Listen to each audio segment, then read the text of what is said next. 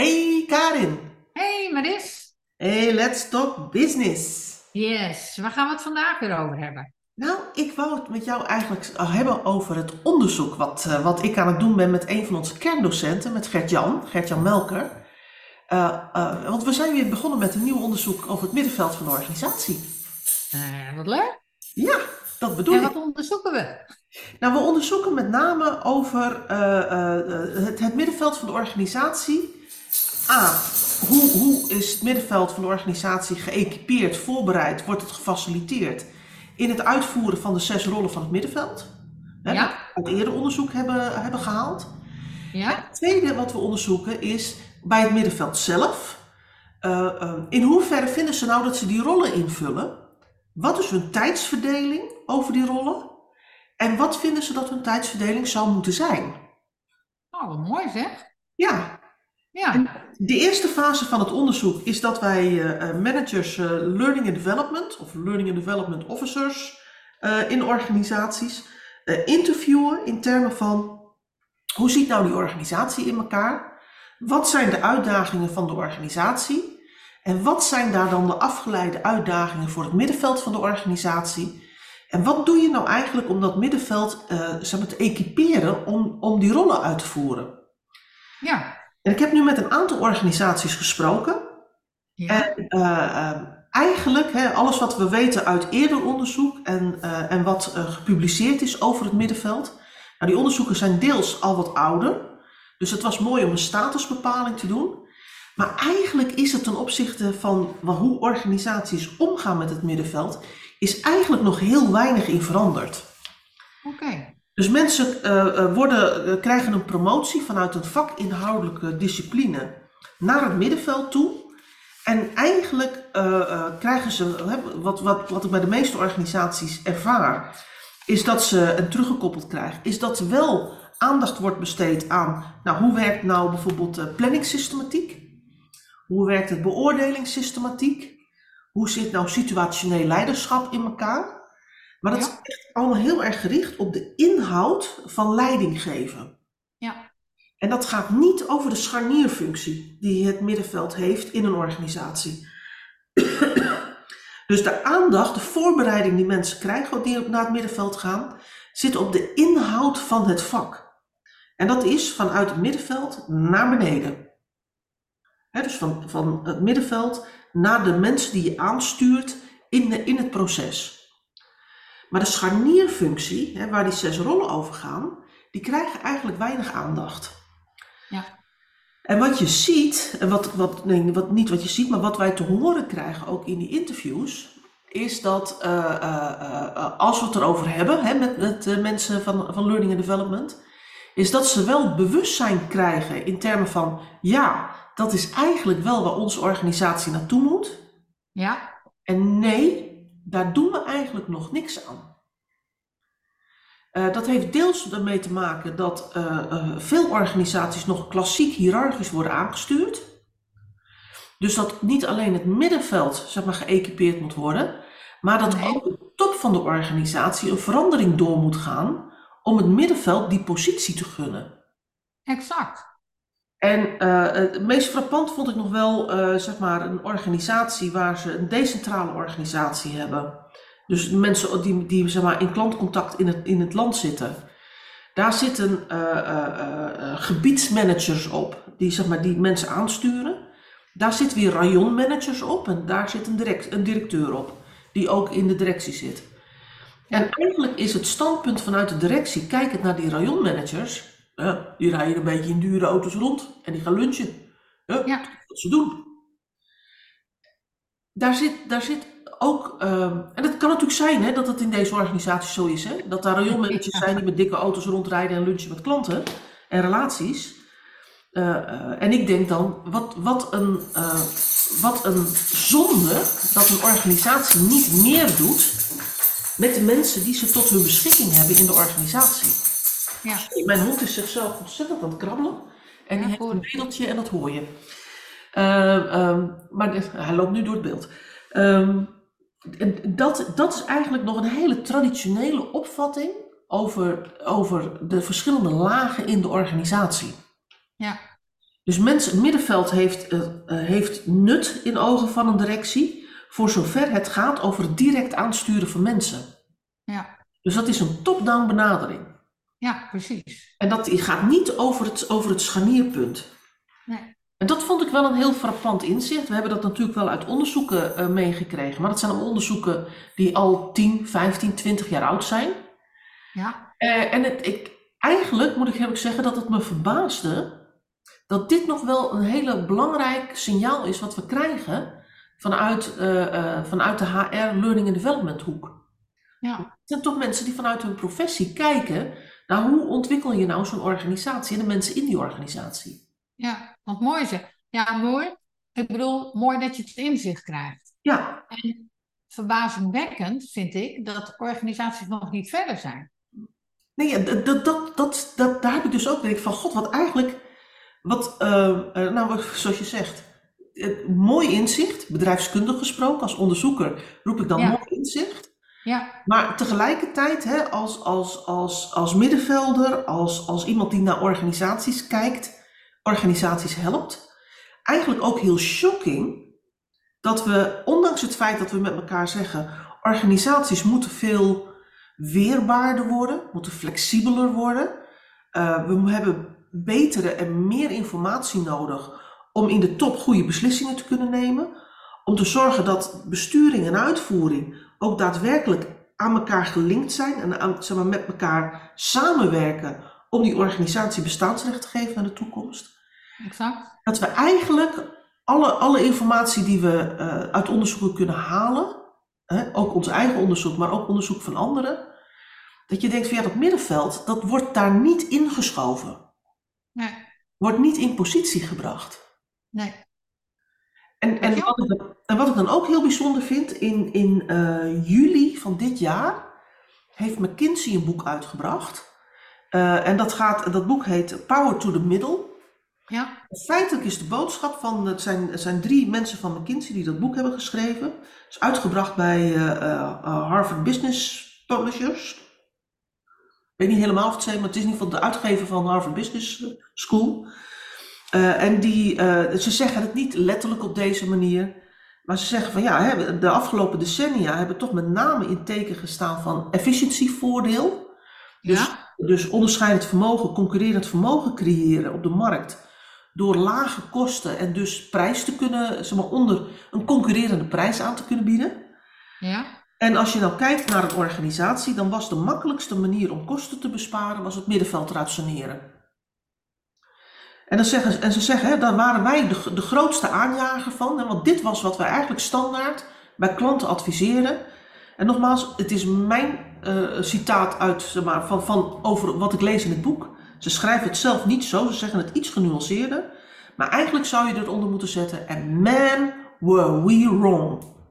ja, En het, en het leuke vind ik, hè, want ze, ze, ze, zetten, ze, ze schrijven dus echt ook, hè, van het, wij hebben dit geadviseerd. Maar dat was een foute advies. Mhm. Want wij hebben de rol van het middenveld, de kracht van het middenveld, het onderscheidend vermogen wat gecreëerd wordt vanuit het middenveld, dat hebben we ontzettend onderschat. En eh, eh, dat boek van McKinsey gaat er dan met name om dat de, de rol van het middenveld heel erg gelicht, gericht wordt op die people management skills. En dat je die nodig hebt om in de huidige arbeidsmarkt mensen aan te trekken, te binden en te boeien. Mhm. Andersom. Aan te trekken, te boeien en te binden. Hm, Ja. dat was de, de, de juiste volgorde. Wij weten vanuit ons onderzoek dat, dat dat maar een facet van het gebeuren is, wat, waar de kracht van het middenveld zit. Maar dat met name de kracht van het middenveld zit om die vertaalslag, echt die scharnierfunctie te doen tussen bestuur en uitvoering. Dus de, de richtlijn die in het bestuur wordt besloten, het doel wat wordt besloten, te vertalen naar en wat betekent dat nou voor de dagelijkse gang van zaken in de organisatie? ja, weer omhoog brengen van informatie over zijn we in staat om dat ook te doen? En wat Ja. voor inzichten halen we eruit? En ook, wat zien we nou in de wereld om ons heen? Wat wij wel zien, omdat we dagelijks contact hebben met mensen in, oh, zeg maar, in, in, buiten de organisatie. En wat moet weer omhoog naar de bestuurstafel, zodat we in de volgende ronde de betere beslissingen kunnen nemen? ja. Feitelijk zie je dus dat McKinsey zeg maar eh, focust op één rol van het middenveld, namelijk die van cultuurdrager. Ja, Hè, precies. dus het maken van een cultuur die zodanig is hè, dat je daarin wel voelt, dat je daarin wil eh, acteren, presteren, resultaten wil maken. Eh, en, en dat die ook zodanig is dat je wil blijven. Ja. Dus, Ja. Ehm, en, en wij denken dat het middenveld veel meer rollen he- heeft, namelijk zes in plaats van één. Ja, Ehm, en McKinsey heeft het natuurlijk ook over rol 1, hè? dus de uitvoering ja, van de strategie. ja, zeker. Ja. Dus zeg maar, zij leggen de nadruk op twee en de nadruk wat verschuiven van strategie uitvoeren naar cultuurbouwer. Ja, Eh, eh, maar het is nog steeds een top-down benadering nadering. van het middenveld. Ja, Terwijl ik denk dat de grote, de grote winst zit natuurlijk ook in die cultuurbouwer, geef ik direct toe. Ook in de procesinnovator, wat ook een top-down benadering is. ja, Maar de grote winst, en en ik denk dat dat is iets wat ik elke organisatie gun, zit met name ook in de bottom-up eh, benadering. Dus wat is er nou aan informatie uit de organisatie, uit de markt, uit de relaties, die weer omhoog moet komen, zodat het, zodat het bestuur beter, betere informatie heeft om goede beslissingen te nemen voor de organisatie. ja, En ik, ik moet zeggen, bij alle interviews die ik tot nu toe heb afgenomen met learning and development managers, eh, eh, heeft, is unaniem de reactie, die zes rollen van het middenveld, dat is boeiend. Hebben jullie daar informatie over? Uiteraard hebben wij daar informatie over. Ja. Eh, eh, maar het is het, eigenlijk ook ehm, de onbekendheid, terwijl wij al, ik denk anderhalf jaar geleden, twee jaar geleden, met twee jaar ja, met die, met die rollen van het middenveld vanuit onderzoek zijn gekomen. Ja. En dan denk ik ook, tot in hoeverre zijn mensen in organisaties, ook mensen waar het hun professie is, tot in hoeverre zijn ze niet alleen maar bezig met de uitvoering van hun vak, maar zijn zich ook aan het verdiepen, wat zijn nou de actuele ontwikkelingen en inzichten in hun vak? Ja, ik denk heel weinig, dat laatste. Ja, en, en ik moet zeggen dat ik, dat denk ik ook, dat is in ieder geval voor mij wel weer een mooi inzicht. Eh, bedrijfskundig als onderzoeker een mooi inzicht. Maar eigenlijk ook weer heel shocking. Ja, En ja, denk, dat, ja, dat is het ook. Ja, ik denk dat, dat in dat middenveld men wel bezig is met zichzelf ontwikkelen, hè? maar dat dat heel at random gaat. Hè? Van, oh, dit is een managementboek, hier heb ik ook wel eens wat mee te maken. Eh, laat ik dat ook eens lezen. Hè? Ik bedoel, er zijn natuurlijk heel veel goedwillende middelmanagers eh, eh, en ook HR-professionals die, die bezig zijn om ja, zichzelf te verbeteren. Ja, maar die verbetering zit, als ik, als ik maar eventjes een beetje voor mezelf de, de rode draad uit, eh, uit die interviews haal, dan zit die verbetering met name op, de, op het uitvoeren van de inhoud van het vak. Exact. En, en niet zozeer, en ze hebben niet zozeer, eh, als ik eh, kijk naar de contacten die ik heb en het onderzoek wat we doen, ze hebben niet zozeer een macro beeld van wat zijn nou de ontwikkeling in, in, eh, voor deze doelgroep. En waar gaan we naartoe? En welke rollen vervullen we nu? En wat betekent dat dan ook voor bijvoorbeeld opleidingsprogramma's? Wat betekent dat voor interactie? Wat betekent dat voor mijn positie binnen de organisatie? Wat betekent dat voor uitoefening van eh, mijn werkzaamheden? Wat betekent dat ook voor prioriteitsstelling? Wat betekent dat bijvoorbeeld ook voor functioneringscycli binnen de organisatie? Hè? Waar Ja. beweegt de organisatie zich naartoe? En hoe houdt dat verband met eh, datgene wat er binnen dat middenveld moet gebeuren? Ja, dus- het gaat, het gaat meer over de functie op het middenveld en minder over de rol van het middenveld. exact. Ja, Dat is, dat is misschien leuk. Ik, ik, ik, ik luister naar wat je zegt en denk, nou, daar zit, daar zit misschien wel de crux. ja, En ik denk dat heel veel mensen op het middenveld hun functie prima kunnen uitvoeren. ja. Maar hun rol misschien niet helemaal duidelijk is. Nee, en ik denk ook ehm, dat ehm, ja, dat de functie, zoals we die uh, in organisaties beschrijven, lang niet alle rollen van het middenveld dekt. Nee. Dat, dat denk ik ook. Ja, dus misschien moeten we daar wel mee beginnen. Om die veel meer onder, uh, onder de loep te brengen, ook bij uh, learning and development organisaties, HR-afdelingen, uh, bestuurders. Omdat je van daaruit en de ontwikkeling die daar gemaakt wordt, de organisatie echt vele stappen naar voren kan brengen. Ja. Betekent misschien ook naar de toekomst toe wel een andere bemensing, hè? Ja. En dat kan natuurlijk ook bedreigend zijn. Ja, en, en, en laat nou ja, dat, dat ja, ik, ik, ach, ik ben gewoon een blije eikel, dus ik, ik, ik zie hier nooit zoveel bedreigingen. Nee, maar ik denk individuele mensen wel. Ja, maar dan geldt nog steeds, hè, er zijn straks organisaties die hier, eh, die hier uh, een voorsprong gaan nemen, die op kop gaan lopen. En daar zal het misschien consequentie hebben dat mensen op het middenveld uh, die rol niet aankunnen, wel de functie aankunnen. Hè, van het aansturen van bijvoorbeeld de, van de mensen in het team en het sturen op doelen en targets, uh, maar misschien die andere rollen niet aankunnen. En die gaan die organisatie dan verlaten, hè, want er worden dingen van hen gevraagd waar ze, waar ze niet voor geëquipeerd zijn, waar ze misschien ook de lol niet van inzien, omdat ze zich bedreigd voelen. Maar er zijn genoeg organisaties die nog achterblijven. Dus die ook gewoon middelmanagers zoeken die uh, zeg maar een, een, een functie vervullen in het aansturen van een team. Ja, dus ik, ik denk niet dat we, zeg maar, dat we zeggen, nou, nou, nou, weten we, nou weten we wat die rollen zijn en we hebben nu inzicht in hoe dat in organisaties zit. Nou, uh, uh, op, uh, op 1 februari gaat de klok om en zijn iets, alle middenvelders vragen wat anders voor. Zo werkt het natuurlijk niet. Nee. Het is altijd een, een geleidende ontwikkeling. Er zijn organisaties die voorop lopen er zijn organisaties die langzamer zijn. Ja. En uiteindelijk zeg maar, uh, faceren ook de middelmanagers die alleen maar uh, uh, geëquipeerd zijn om op targets te sturen, mm -hmm. die faceren uit. Ja, ook, ook, wat McKinsey schrijft in termen van dat het middenveld met, met name ook een rol heeft in people manager, ja, dus in onze rol 3, het, het, en, en dus een organisatie een aantrekkelijke werkgever maken, zodat je mensen kunt behouden, maar ook, ook mensen kunt aantrekken dat kan ook niet elke middelmanager. Nee. Maar het is ook niet wat elke organisatie van zijn middelmanagement vraagt. Nee, vandaar ook dat ik zeg van dat elke dat die functie niet die rollen dekt. En nee. dat er een verschil is tussen functie en de rollen. En dat wij eigenlijk zeggen van ja, die functie zou al die rollen moeten dekken, maar dat je in de praktijk ziet dat die functie maar één, twee, misschien is drie rollen dekt, maar daar houdt het dan ook wel mee op. Ja, ja. En daar is dus nog veel winst te behalen. Ja.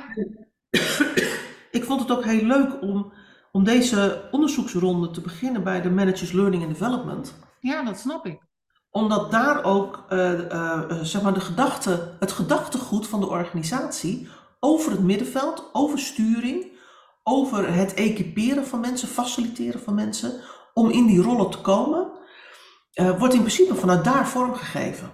Ja, dus en, en, en nou ja, dus die, laat ik het zo zeggen, je, je, je ziet daar wel verschillen in in organisaties. Mm -hmm. Maar ik heb tot nu toe, in, in de interviews die we hebben afgenomen, um, zie je toch dat, dat, er nog wel, dat hier echt nog wel heel veel winst te behalen is. Ja. Dat denk ik ook. Nou ja, dat is. Uh, uh, je zou bijna zeggen, we kunnen in een soort. Uh, ja, dat klinkt wat. Uh, maar dat zit nog wel wat ontwikkelingswerk voor ons te doen. Laat ik het daar maar bij laten. Ja, en, het is, het is, uh, uh, en dat, dat zit voor een deel in het, het verder bekendmaken van hoe zit het nou met die rollen, maar ook waarom zijn die rollen nou belangrijk? Hè? Ja. Waarom is het belangrijk om die rollen in te vullen? Ja. en dat zit ook in het faciliteren van, dat is mijn, ook wel mijn nieuwe inzicht van learning and development mensen, dus van HR, in het denken over die rollen. Ja. Het gek genoeg zou, zou je zeggen van het, het, het, het inzetten van die verandering komt met name ook vanuit het middenveld, van de mensen die op het middenveld werken, die vooruit willen en dus meer impact willen hebben. Nou, die kaarten dit aan bij hun bestuur. Hè? En dan, en dan start er een ontwikkeling op. En dat is in, in een, heleboel, aantal, een heleboel gevallen is dat ook zo. En dat zien we ook bij onze studenten. Ja. Ehm, ehm, maar er is ook een lijn die gaat via de professional die nadenkt over de ontwikkeling van de organisatie. Ja. En dus richting die learning and development eh, mensen. In dat denken. Ja.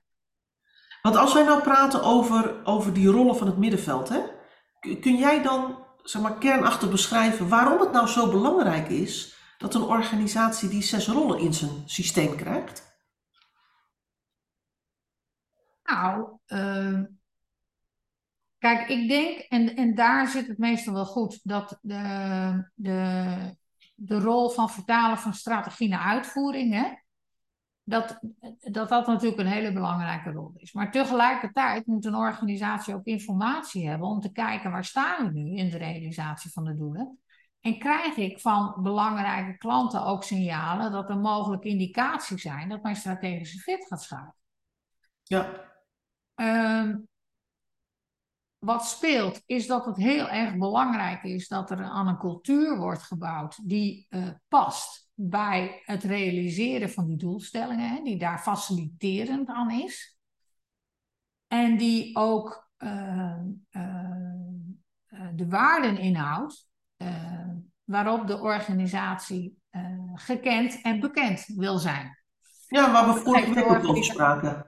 Wat zeg je? Waar we vorige week ook over spraken. Ja, want dat geeft de organisatie ook eh, onderscheidend vermogen. Ja. Hè? Ehm, eh, ja, en ik, ik denk dat. Ik kan al die rollen afgaan, maar ik denk even nadenkend over jouw vraag. Dat het zo belangrijk is dat al die rollen op een goede manier wordt ingevuld. Omdat je op die manier, eh, zeg maar, eh, de vertaalslag van eh, de strategische visie, de strategische fit en de koers van de organisatie ook vastlegt in daadwerkelijke acties en doelen. Acties die die doelen moeten bewerkstelligen. Zodat de organisatie ook stappen maakt in het proces eh naar realisatie van die koers. En ook alle randvoorwaarden in en regelt die nodig zijn om die koers en die stappen dus op zo'n goed mogelijke manier te bewerkstelligen. En daar bedoel ik aan eh, eh, mee, hè, dus het doorvoeren van innovaties hè, die belangrijk zijn in het kader van de efficiëntie van procesgangen, het bouwen aan een cultuur binnen een organisatie. Maar ook het challengen van een bestuurder op: heb je nou alle belangrijke informatie wel meegenomen? Want het beeld van een bestuurder, kijkend vanuit zijn perspectief, is een ander perspectief dan als je op dat middenveld zit of als je in de uitvoering van de organisatie zit. Dus dat die beelden bij elkaar komen, is natuurlijk buitengewoon belangrijk. En ik denk dat, dat op het moment dat jij een middenveld hebt die heel adequaat al die eh, zes rollen bemenst, dat je als organisatie een heel erg sterk, eh, sterke organisatie aan het bouwen bent, die eh, eh, feitelijk ook zonder dat leiderschap in, in, aan de top kan, hè, behalve dat je dus er nu en dan moet zijn om ook besluiten te nemen en de koers uit te zetten. Maar jij kan richten op datgene wat naar de buitenkant zo, zo noodzakelijk is, namelijk dat stakeholder management, kijken wat gebeurt er nou in die buitenwereld. Want in de buitenwereld gebeurt tegenwoordig heel veel en heel vaak. En heel vaak heel anders. Uh, dus uh, wil je als organisatie klaar zijn voor de toekomst, dan is dit het fundament waaraan je moet bouwen. Ja. Dat is wat ik denk. Ja, want wat je, wat je ziet, hè, is dat vroeger al. Vroeger uh, zetten we een, een, strategie neer en daar haalden we een jaardoel uit. En dat werd uh, zeg maar, opgedragen aan de organisatie. En eigenlijk konden we gewoon twaalf maanden bouwen aan, aan het realiseren van zo'n jaardoel. Uh, en op het moment dat je die, zeg maar, dat hebt, hè, ik zet op 1 januari, zeg ik nou, feitelijk in december, zeg ik al, dit is mijn doel voor volgend jaar. En ik heb twaalf maanden om daar gewoon rustig aan, aan het werk te gaan. Is dat het niet zoveel uitmaakt of dat middenveld nou wel of niet heel adequaat kan schakelen. Ja. Ach, Weet je, je zet het op 1 januari neer en uh, na 1 februari uh, heb je maandvoortgang en heb je de eerste resultaten. En dan kun je tegen het middenveld zeggen, je moet harder sturen, want je blijft achter. Ja. gaan we nog een maand wat harder sturen. En dan kunnen we in, zeg maar in, in maart bij de managementcyclus constateren van sturen we nu hard genoeg. En dan kun je zeg maar zo opbouwen. Dus ook dat middenveld kun je feitelijk langzaam uh, door, doorvoeden met wat zijn nou de doelen. Jaardoelen werken eigenlijk niet meer. Want de wereld is zo snel in verandering dat je eigenlijk continu elk kwartaal opnieuw moet gaan kijken van zijn onze doelen nog realistisch? En dat betekent dat die organisatie met zoveel meer snelheid moet gaan schakelen in termen van waar gaan we voor? Wat voor acties zetten we in? Wat voor activiteiten gaan we doen? Wat zijn de resultaten daarvan? Dat die cycli steeds sneller gaan. En dan moet je een middenveld hebben wat ook in staat is om met diezelfde snelheid te schakelen, andere uh, zeg maar, nieuwe doelen, nieuwe aandachtspunten mee te nemen, in de uitvoering resultaten dan mee te bereiken. Ja. En, en die, om, juist omdat die snelheid, zeg maar, om, die, die, die cycli steeds korter worden, en moet er ook sneller geschakeld worden in de organisatie. Ja. En, en dat maakt dat die, dat, die, dat die zes rollen gewoon steeds belangrijker worden. Die worden gewoon dominanter in het, in het, in het bereiken van succes. Ja, exact. En, en dat, dat besef, dat begint nu te dagen in organisaties. Is mijn beeld vanuit de interviews nu, hè? Ja, maar dat, dat, dat, dat, uh, dat, dat hoop ik. En dat vind ik ook plezierig om uh, te horen dat dat een beetje begint te dagen. Ja. Uh, ja, want dat is, dat, is, dat is echt noodzakelijk. En het wordt ook tijd, als ik zo onbescheiden mag zijn. Ja, dat denk ik ook. En ik vind het ook wel weer, weer frappant dat je merkt dat organisaties niet proactief met dit soort dingen bezig zijn, maar eigenlijk pas in beweging komen op het moment dat ze door, door de situatie, door de markt, eigenlijk gedwongen worden om over dit soort dingen na te denken. Ja. Want laten we wel zijn, dit, dit, dit, de weerbaarheid van de organisatie en flexibiliteit in de organisatie en het benutten van ondernemerschap en creativiteit wat in de organisatie leeft, is niet nieuw hè. Dit, dit wordt al, al, al jaren beschreven in managementboeken en in onderzoeken. Eh, eh, maar we beginnen, het begint nu te knellen in organisaties, gewoon in de praktijk. En nu zie je dat die vraag in organisaties ook begint te leven. Ja. En, en dat, dat, nou, dat is het, ah, mooi dat het begint te leven. Hè? Ja. Ik bedoel, eh, maar ik, ik, ik ben toch ook wel weer verbaasd over, we zien het met elkaar aankomen. Waarom laten we het, waarom, waarom laten we het erop aankomen? Dat is iets dat Nou. houdt toch wel heel erg bezig. Nou, dat is heel eenvoudig. Omdat ehm, zolang het geen pijn doet, maar is er geen noodzaak om te veranderen. Ja, maar je weet wel dat het eraan komt. Ja, maar dit Je is de de- pijn ook voor zijn, toch? Ja, nee, dat, zo werkt het niet. Je zit eh, met elkaar eh, als kikkers in een soort van eh, pan. En die was aanvankelijk koud. En toen iets minder koud. en die begint wat lauw te worden. En dat went. En we zien heus wel dat die op enig moment gaan kopen. Maar ja, we springen er nog niet uit. Nee, het is een beetje hetzelfde met, met de vergrijzing en de ontgroening. Ik bedoel, ik ken natuurlijk legio organisaties waar ze, waar ze drie jaar geleden al constateerden. Onze populatie schuift naar de bovenkant, hè? die gaan straks uitvloeien. Ja. Dat betekent dat ik in één keer heel veel kennis kwijt ben. Eh, ja, we moeten eigenlijk jonkies erbij zetten, maar ja, ja waar haal je ze vandaan? Hè? Ja, ja, lastig, lastig. En hoe integreer je dan jonkies met die oudjes in de organisatie? Nou ja, oudjes. precies. Maar de ervaren mensen. En, en dat ze er nu tegenaan lopen dat mensen daadwerkelijk de organisatie uitstromen. En dat ze opeens zitten van, ja, we hebben geen mensen. En dan denk ik van, maar dit zie je aankomen. Ja, dat is waar. Maar let maar eens op. De grootste veranderingen die komen, die komen ook heel snel. Op het moment dat het echt pijn gaat doen en de noodzaak echt hoog is. Corona is daar een mooi voorbeeld van. De Ja. coronapandemie. Ja, Nou, ik, ik, ik ben benieuwd. ik blijf, het is voor mij ook geen nieuwe verbazing. Hè? Ik, ik, ik, ik, ik heb jou het wel eens verteld, maar ik denk dat het in het kader van deze, van deze podcast ook wel weer een mooi voorbeeld is. In, bij mijn eerste werkgever, eh, daar werkte ik een jaartje of eh, vijf, zes. En ik werkte bij een van de business units. En op een gegeven moment, eh, ik, was man, ik was marketingmanager daar. En op een gegeven moment kwam iemand van HR redelijk gestrest naar mij toe. Zei van ja, ja, ja, we moeten iets plannen en daar moet ik jouw hulp bij hebben.